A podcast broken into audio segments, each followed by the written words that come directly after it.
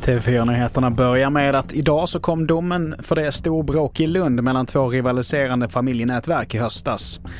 Tre personer åtalades varav två friades helt av tingsrätten och den tredje, 24-åringen, döms till två och ett halvt års fängelse för grovt vapenbrott.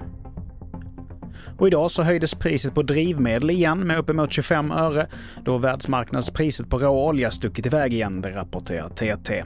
Men det kan ändå vara läge att fylla tanken nu, för efter nyår väntas diesel höjas med cirka 80 öre och bensinen med cirka 30. Och till sist, dovhjorten håller på att ta över rollen som vårt största skadedjur. Stammen har ökat explosionsartat och förutom trafikproblem och att de drar fram i folks trädgårdar så är det lantbruket som tar den största smällen. På det här fältet har det varit höstraps i år. Här eh, var alla plantor utom en betade.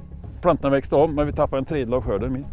Det är helt uppåt väggarna. Ett, ett finger får de gärna, men inte hela näven. Och här hörde vi bonden Olof Bengtsson.